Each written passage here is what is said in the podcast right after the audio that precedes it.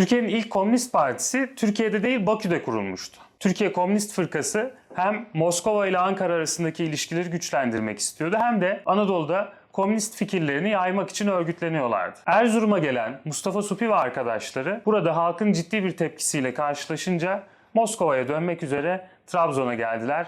Fakat Trabzon limanında uğradıkları saldırıda Türkiye Komünist Fırkası'nın bütün yöneticileri öldürülmüştü. Bundan 40 sene sonra kurulan Türkiye İşçi Partisi ise girdiği ilk seçimde %2,8 oy alarak meclise 15 milletvekili sokmuştu. Bugün bu videoda Türk solunun hikayesini anlamaya çalışacağız. Hazırsanız başlayalım.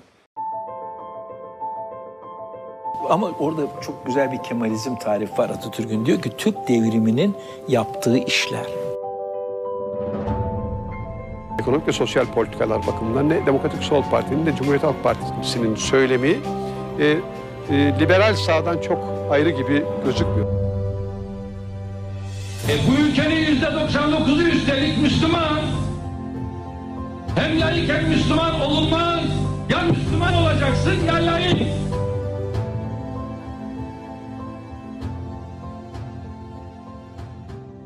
Türk solunu anlamak isterken öncelikle şunu aklımızdan çıkarmamamız gerekiyor. Türk solu dediğimiz ne homojen bir yapı ne de sabit değişmez bir yapıdan bahsediyoruz. Aslında zaman içerisinde 1960'tan bugüne geldiğimizde 60 yıl içerisinde çok ciddi dönüşümler yaşamış. Hem dünyada hem de Türkiye'de yaşanan gelişmelerden etkilenmiş bir yapıdan bahsediyoruz. Şimdi Türk solunun hikayesini biz başlangıçta 1921'de kurulan Türkiye Komünist Fırkası ile anlattık. Ama 1960'a kadar aslında Türkiye'de yeni bir sol siyasi parti yok. Zaten tek parti döneminde Türkiye Komünist Fırkası da diğer partilerle birlikte kapatılıyor. Kapatıldıktan sonra 1940'lara gelene kadar yeni bir parti yok. Demokrat Parti döneminde çok güçlü bir Amerikancılık görüyoruz ve aslında Türk solunun hikayesi 1950'lerin solunda o Demokrat Parti'nin tamamen serbest piyasacı, tamamen planlı ekonomiye karşı, tamamen uluslararası ilişkilerde Amerika yanlısı politikalar geliştirmesiyle başlıyor. Kısacası CHP içerisinde artık Demokrat Parti'nin bu siyasi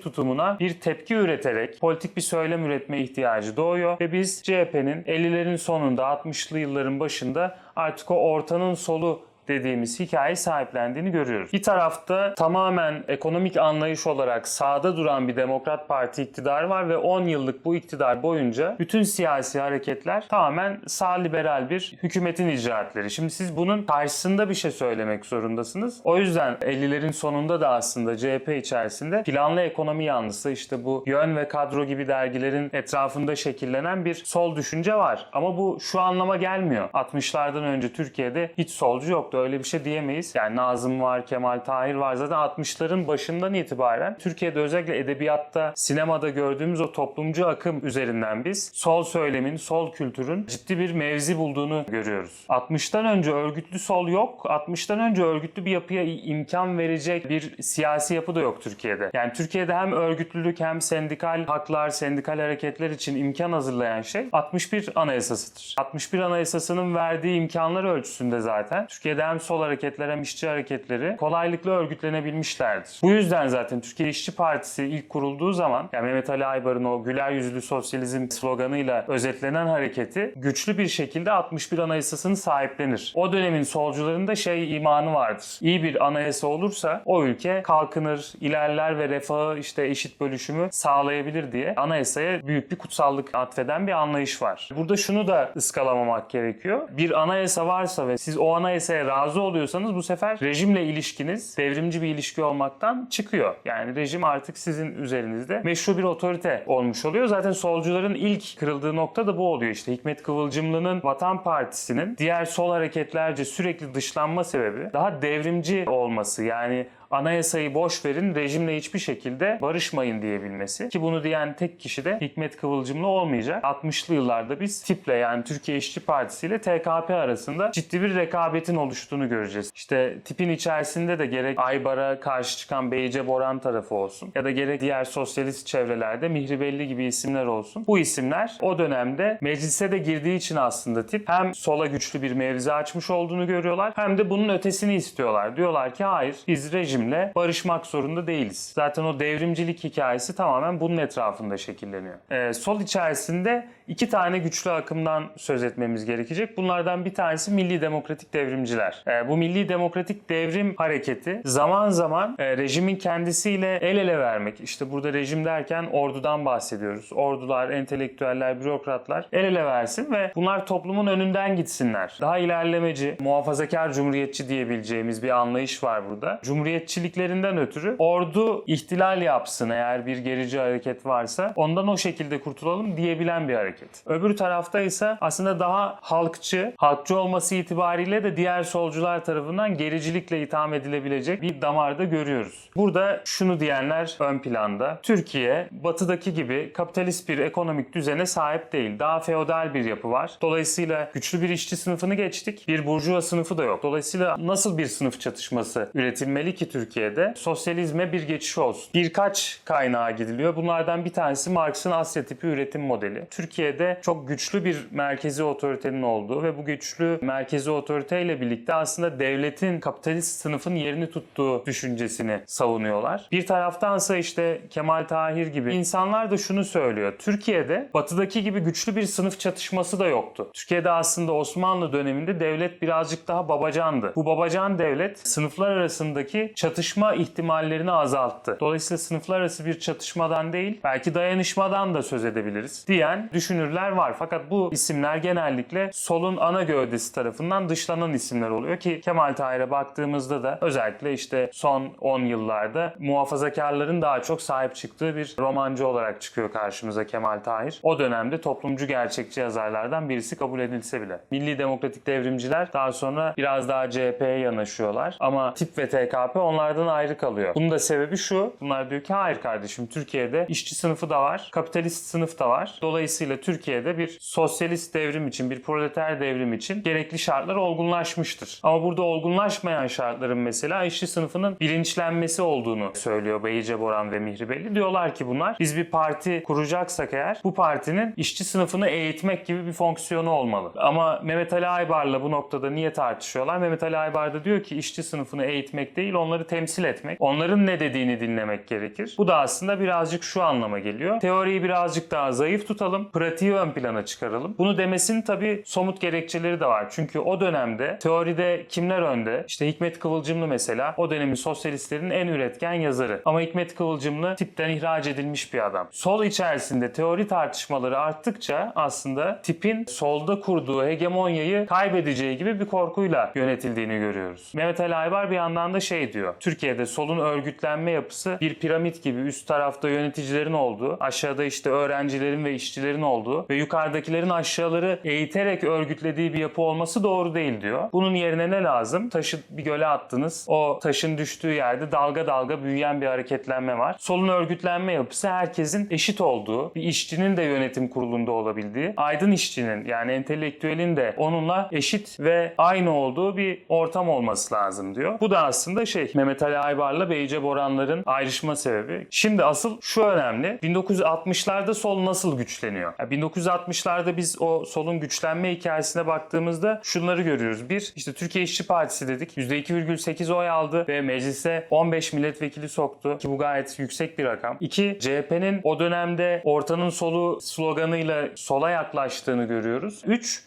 sendikal hakların 61 Anayasası'yla gelen sendikal hakların sokakta kendisini gösterebildiğini görüyoruz. İşçiler örgütleniyorlar, gerektiği zaman miting yapıyorlar, grev yapıyorlar vesaire ki bu aslında 60'ların politik ekonomisini de ciddi ölçüde etkileyen bir unsur. Dolayısıyla bu hikayelerle 60'larda gelişen sol zirvesini bir de 68 yılında hem işte Amerika'nın Vietnam'da uğradığı hezimet hem de o dönemde bütün dünyada yayılan öğrenci hareketleriyle birlikte Türkiye'de de güçlü bir solcu öğrenci hareketinin oluştuğunu görüyoruz. Ki bunun ilk başta adı Fikir Kulüpleri Federasyonu olacak ve başına da Doğu Perinçek geçecek. Daha sonra Fikir Kulüpleri Federasyonu Dev Gence dönüşecek. Başında Ertuğrul Kürkçü olacak ve işte o Doğu Perinçek, Kürkçü, Bülent Uluer kavgasının da temeli buralarda. Çünkü Bülent Uluer de Kürkçüden sonraki Dev Genç e, yöneticisi. Burada şunu unutmamak gerekiyor. 60'larda bütün dünyada aslında sol söylem güçleniyor. Niye? Soğuk savaş içerisindeyiz. Amerika bir taraftan işte Vietnam'da uzun yıllar süren ve bütün dünyanın tepkisini çeken derken bir savaşa giriyor. O dönemde İnönü de sola yakın isimlerle çalışmayı tercih ediyor partide ve bu aslında 1971'e kadar böyle devam edecek. CHP o dönemdeki sağ iktidarın karşısında hem planlı ekonominin hem sosyal adaletin öneminden bahsederek propagandasını yapmaya devam edecek. 70'li yıllarda da artık Ecevit'i iktidara getiren o Karaoğlan hikayesinin CHP'nin halka inebilme becerisiyle alakalı olduğunu da göreceğiz. Şimdi 60'larda biz solun hem entelektüel olarak çok güçlü bir üretim döneminde olduğunu söyledik. Hem de aslında örgütlenme olarak da güçlendiğini ve güçlenmeye de devam ettiğini 70'li yıllara kadar söyledik. Burada şey de çok önemli bir hikaye aslında sembolik önemi açısından. 1969'da bu 6. filo İstanbul'a geldiğinde ciddi bir tepkiyle karşılaşıyor. Bunun sebeplerinden birisi işte bahsettiğimiz gibi o dönemdeki Vietnam Savaşı ve Amerika'nın bütün dünyada sahip olduğu kötü imaj. Öğrencilerin buna yönelik protestoları polisin baskısıyla cevap buluyor ve o sırada e, İTÜ yurtlarında bir öğrenci mesela hayatını kaybediyor. Polis şiddeti sebebiyle pencereden atıyorlar çocuğu. Ve bu olayları daha da büyütüyor. 6. filoya gidiyorlar, askerlerle çatışıyor öğrenciler, askerleri denize atıyorlar, darp ediyorlar vesaire ve 6. filoyu geri yolluyorlar. Bu esnada aslında Türk sağının bu olaylara verdiği tepki de sol ile sağ arasındaki husumeti güçlendiriyor. Çünkü o dönemde Türk sağı da 6. filodan yana ve o öğrenci hareketlerinin karşısında söylemlerde bulunuyor ve bu aslında bizim o 70'lerde göreceğimiz sağ sol kavgasının da ilk emarelerinden birisi. Ve bu öğrenci hareketi aslında o 6. filoya karşı protestolar solun öğrenciler içerisinde ne kadar münbit bir zemin bulduğunu, ne kadar güçlenme imkanı olduğunu da gözümüzün önüne seriyor. Tabanda bu kadar potansiyel gören sol, solun içerisindeki bir grup orduyla işbirliği içinde 9 Mart'ta bir darbe planlıyorlar. Doğan Avcıoğlu'nu iktidara getirmek gibi bir planları olduğu söyleniyor. Fakat bu plan 12 Mart muhtırasıyla engelleniyor ve bu muhtıradan sonra da bir CHP üyesi olan Nihat Erim başbakanlığa getiriliyor ve İnönü'nün de aslında o dönemdeki CHP'lilerin o hükümette bulunmasına itiraz etmediğini görüyoruz ve bu tavır aslında CHP içerisinde Ecevit'in genel sekreterlikten istifası, daha sonra İnönü'nün karşısında aday olması ve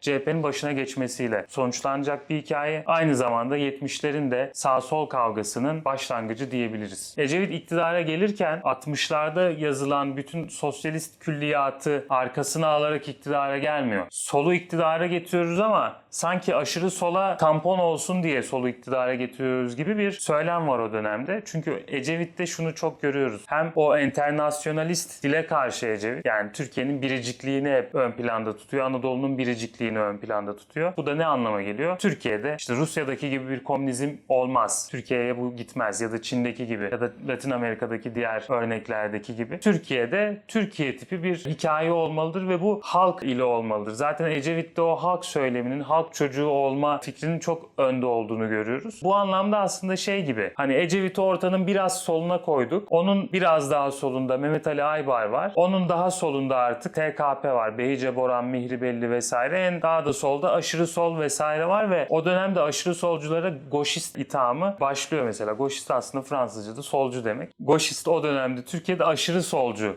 anlamına geliyor. Şimdi burada şunu bağlamak lazım. Bir, Ecevit iktidara geldi. Sol ne yaptı o dönemde Türkiye'de? Yani solun yaptığı şey birincisi şu oldu. Türkiye'yi o soğuk savaş ikliminde tamamen Amerikancı Batı bloğunun bir üyesi olmaktan çıkartıp daha dengeli bir yere koymaya çalıştı Ecevit iktidar ki bunun bir zamanlar parçası Necmettin Erbakan'dı. İslamcılar ve solcular Amerikan karşıtlığı zemininde birleşmişlerdi. E bunun yanında şunu da görüyoruz. 1970'lerde refahın paylaşımı açısından da işte sosyal adaleti önceleyen e, bir takım politikalar oluyor. Ama 70'lerde en önemli hikaye nedir? Hem sağ sol kavgası hem solun artık militarist bir yapıya bürünen bazı örgütler üretebilmesi bir yandan da solun içerisinde işte Maoculuk, Stalincilik, komünist bürokratçılık gibi farklı farklı ithamlarla ciddi bölünmelerin başlaması. Bununla birlikte şunu da görüyoruz. Uluslararası camiada işte Latin Amerika'da mesela komünist devrimler için ciddi hareketlenmeler var. Kır gerillaları var, şehir gerillaları var. Bir yandan da Çin'de mesela güçlü bir kültürel devrim var. Bütün dünyada solun kaynamasının Türkiye Türkiye'de yansımaları oluyor. Bu nasıl oluyor? Bir anlamda şey gibi. Herkes kendisine bir tane idol seçiyor ve o idolün etrafında bir teori üretmeye çalışıyor. O teoriyi de Türkiye'ye uygulayıp onun üzerinden kendi yolunu açmaya çalışıyor. Dolayısıyla işte bir taraf Latin Amerikacı, öbür taraf Latin Amerikacılığa dudak büküp Mao'cu oluyor. Öbür taraf diyor ki ne Çin ne Latin Amerika bize en çok benzeyen Arnavutluk örneği var, Enver Hoca örneği var. Birazcık onlara benzemeye çalışalım. Bir tarafta hayır kardeşim yanı başımızda Sovyetler Birliği Komünist Partisi var. Merkez orası oradan çok da uzaklaşmaya gerek yok diyebiliyor. Tabii ki bu bu kadar yumuşak dillerle olmuyor. Çok ciddi kavgalar verildiğini görüyoruz. Solun silahlanması birazcık şeyle alakalı. Türkiye'de hem rejimle girdikleri ilişki çünkü 71'deki o muhtıra aslında solun güçlenmesine karşı yapıldığını düşündükleri bir muhtıra. E bir yandan da Türkiye'de komünizmle mücadele dernekleri gibi sağcı örgütlenmelerin hem de devlet desteğiyle birlikte silahlandığını görüyorlar. Burada aslında ne diyorlar? Gayri nizami harp tekniklerinin kullanıldığını görüyorlar devlet tarafından ve buna karşı sol bir yandan korumacı diyelim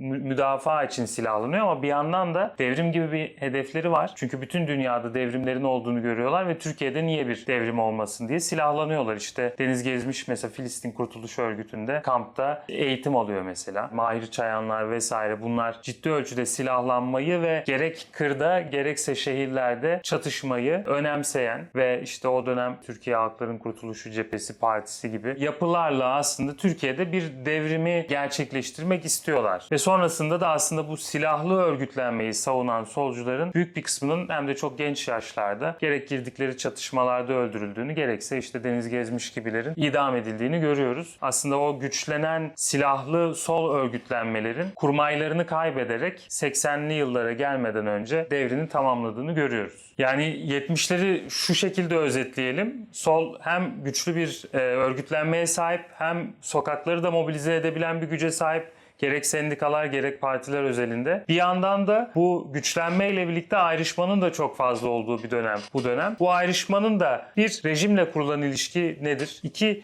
Türkiye'nin sınıflı toplum yapısına yönelik yorumlar nelerdir? Üçüncü mesele ise Türkiye ile uluslararası arasındaki ilişkiyi nasıl kurmak gerekir? Yani bir tarafta daha internasyonalist bir kanat görüyoruz sol içerisinde, öbür tarafta daha ulusalcı bir kanat görüyoruz ki bu ulusalcı kanat aslında bizim 90'lar sonrası solu şekillendiren en önemli kanat olacak. Bundan öncesiyle ilişki kurmada da ulusalcı kanat zaten milli demokratik devrimci kanattı. Yani Kemalist devrimlerin henüz tamamlanmamış devrimler olduğunu ve bu devrimlerin tamamlanması gerektiğini iddia eden kanattı. Dolayısıyla biz hani hep şeyin tartışmasını yapıyoruz ya. Türkiye'de sol gerçekten var mı? Ya da işte o İdris Küçükömer'in Türkiye'de sol sağdır, sağ aslında soldur hikayesi buraya tekabül ediyor. Çünkü Türkiye'de sol rejimin merkezde olduğu bir hikayeyi sahiplendi ana akımda. Bu milli demokratik devrimcilerin etrafında geliştiği için. 80 darbesi olduğunda sol aslında sağdan daha güçlüydü diyemeyiz. Şeye baktığında iktidarda kim var? Sağ koalisyon var. Sol sokakta güçlü ama sokakta sağ da güçlü. Ülkücülerle solcular çatışıyorlar. Dolayısıyla hani biz Türkiye'yi ele geçirecektik. Tam komünist devrim geliyordu ki askeri darbe oldu. Yapamadık dedikleri hikaye çok da mantıklı değil. Zaten sol o kadar güçlü olsa askeri de yenersin abi yani. Ama şunu da söylemek gerekiyor. 12 Eylül darbesi yani 70'lerde solcuların o kadar ölümleri, idamları vesaireden çok daha büyük bir zarar veriyor solculara. Şu açıdan bir, idamlar çok fazla. iki işkenceyle hapishanelerde öldürülenler çok fazla. Daha da önemlisi hani solun o bütün mobilize olma imkanını, daha doğrusu Türkiye'deki bütün siyasi yapıların mobilize olma imkanını elinden alan bir dönem var önümüzde. Yani 1980'den 83'e kadar ki 83'ten sonra da tamamen bir özgürlük yok. Türkiye'de siyasi yapılar sokakta örgütlenemez hale geliyorlar. Bu da tabii solun daha kabuğuna çekildiği bir dönem getiriyor bize. 83'e kadar dedik ya zaten hiçbir siyasi parti örgütlenemiyordu. Bir yandan da siyasi yasaklar var ve CHP de kapatılmış durumda. Sol içerisinde artık yeni siyasi partileşmeler 83'te başlıyor. İşte şey Halkçı Parti kuruluyor mesela. Bir yandan da şey kuruluyor. SODEP, e, Sosyal Demokrasi Partisi. E, SODEP'in başında Erdal İnanı var. SODEP ve Halkçı Parti birleşiyor. SHP'yi kuruyorlar. Sosyal Demokrat Halkçı Parti. 89'da girdikleri seçimde %28 gibi bir oya ulaşıyorlar ki bu aslında 80 sonrasında solun aldığı en yüksek oy. Yani ondan sonra ne Ecevit hatta 95'te CHP artı SHP o kadar oya ulaşamıyor bir daha ki 2000'lerde de aslında ulaşamıyorlar. Ee, bu o açıdan önemli. Erdal İnönü Bir yandan hani İsmet İnönü'nün oğlu olması hasebiyle soy isminin gücünü kullanabilen bir isim. Bir yandan da şunu görüyoruz. SHP içerisinde aslında öyle bir liderli parti değil de daha çok bir kadro hareketi imajı verebiliyor. Çünkü güçlü isimler var parti içerisinde. Ecevit'in DSP'nin başına geçmesi ve orada yalnız adam görüntüsü vermesi Ecevit'in 70'lerden gelen sempatisi dışında soldan oy toplayamamasına sebep oluyor bir taraftan. E bir taraftan SHP var. E bir de CHP tekrar kuruluyor 92'de. O dönemde artık soldaki ayrışmaların dert yakınılan bir şeye dönüştüğünü görüyoruz. Sol önceden 70'lerde mitoz bölünmeyle çoğaldığı söylenen bir yapıydı. Yani bölündükçe güçlenen bir hareketti. 90'larda ise soldaki bölünmenin sola zarar verdiği düşüncesi gittikçe güçleniyor ve bu yüzden de biz SHP ile de CHP'nin birleştiğini görüyoruz. Tabii CHP kurumsal olarak daha eski bir parti olduğu için ana parti olarak SHP daha büyük olmasına rağmen CHP'ye dahil olmuş oluyor. Özallı yıllarda sol artık yeni bir hikaye yazmak zorunda kalıyor. Nedir bu hikaye? Bir, artık dünyadaki ekonomik yapı değişti. Hem bir finansallaşma var, güçlü bir finansallaşma. Hem de neoliberalizmle birlikte sağda artık özgürlükçü söylemi sahiplenen bir siyasi harekete dönüştü. Dolayısıyla solun elindeki o özgürlükçülük, insan hakları kartı zayıflıyor. İki, işçi sınıfı giderek daralmaya başlıyor. Finansallaşmanın getirdiği yeni sektörlerle birlikte. Bunun karşısında İsmail Cem mesela şunu söylüyor. Diyor ki sol artık kendisine sosyal demokrasiyi merkeze alan yeni bir söylem kurmalıdır. Bu söylem de sanayileşmeyi merkeze almalıdır. Demokrasiyi merkeze almalıdır ve refahın eşit paylaşımını, sosyal adaleti merkeze almalıdır. Ve biz bu İsmail Cem'in ürettiği o sosyal demokrasi yorumunun 90'larda Baykal CHP'sinde sahiplenildiğini de görüyoruz. İsmail Cem ve Deniz Baykal birlikte bir kitap yazıyorlar mesela. Deniz Baykal'da tabii bu işin teorik tarafı neredeyse hiç yok. Deniz Baykal daha çok hitabetiyle ve işte o liderliğiyle ön planda. İsmail Cem burada birazcık daha işin teorisine şekil veren isim. Deniz Baykal'a solcu demek için elinde hiçbir done yok. Deniz Baykal Anadolu solculuğu diye bir şey uyduruyor. Nedir işte bu?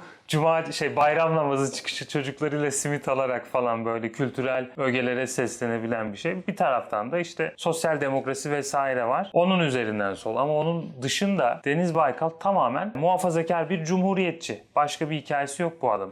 Laikliği savunalım, İslamcılara karşı teyakkuzda olalım, Kürtlere karşı teyakkuzda olalım, Türk kimliğini savunalım. Yani bu tepkileri normalde solcu vermez. Çünkü karşısına aldığı iki grupta aslında elitler bazında temsil edilemeyen gruplar. 80'ler sonrasında devrimci sol hem marjinalleşiyor hem de aslında başka taraflara evriliyor. İşte ne oluyor? PKK kuruluyor mesela Diyarbakır cezaevinde 1984'te. Ya da 90'lı yıllarda neyi görüyoruz? İşte daha önce Türkiye Halkların Kurtuluşu Ordusu olan yapı DHKPC'ye dönüşüyor. Devrimci Halkların Kurtuluşu Partisi cephesi. Hani 80'ler öncesinde sol sokağa da inebildiği için ve bir hikayesi de olduğu için meşrulaştırabiliyordu kendisini. Yani yine kriminal fakat halk içerisinde meşru sembolleri olan Deniz Gezmiş gibi, Mahir Çayan gibi isimlerin sahiplendiği bir dönemdi 70'ler. Bu dönemden sonra sol artık tamamen e, kriminalize oluyor şey silahlı sol. E, ve bu yıllardan sonra 97'de Refah Yol Hükümeti 28 Şubat muhtırasıyla sarsılıyor. O yıllarda Ecevit tekrar bir güç kazanıyor. DSP'nin koalisyonun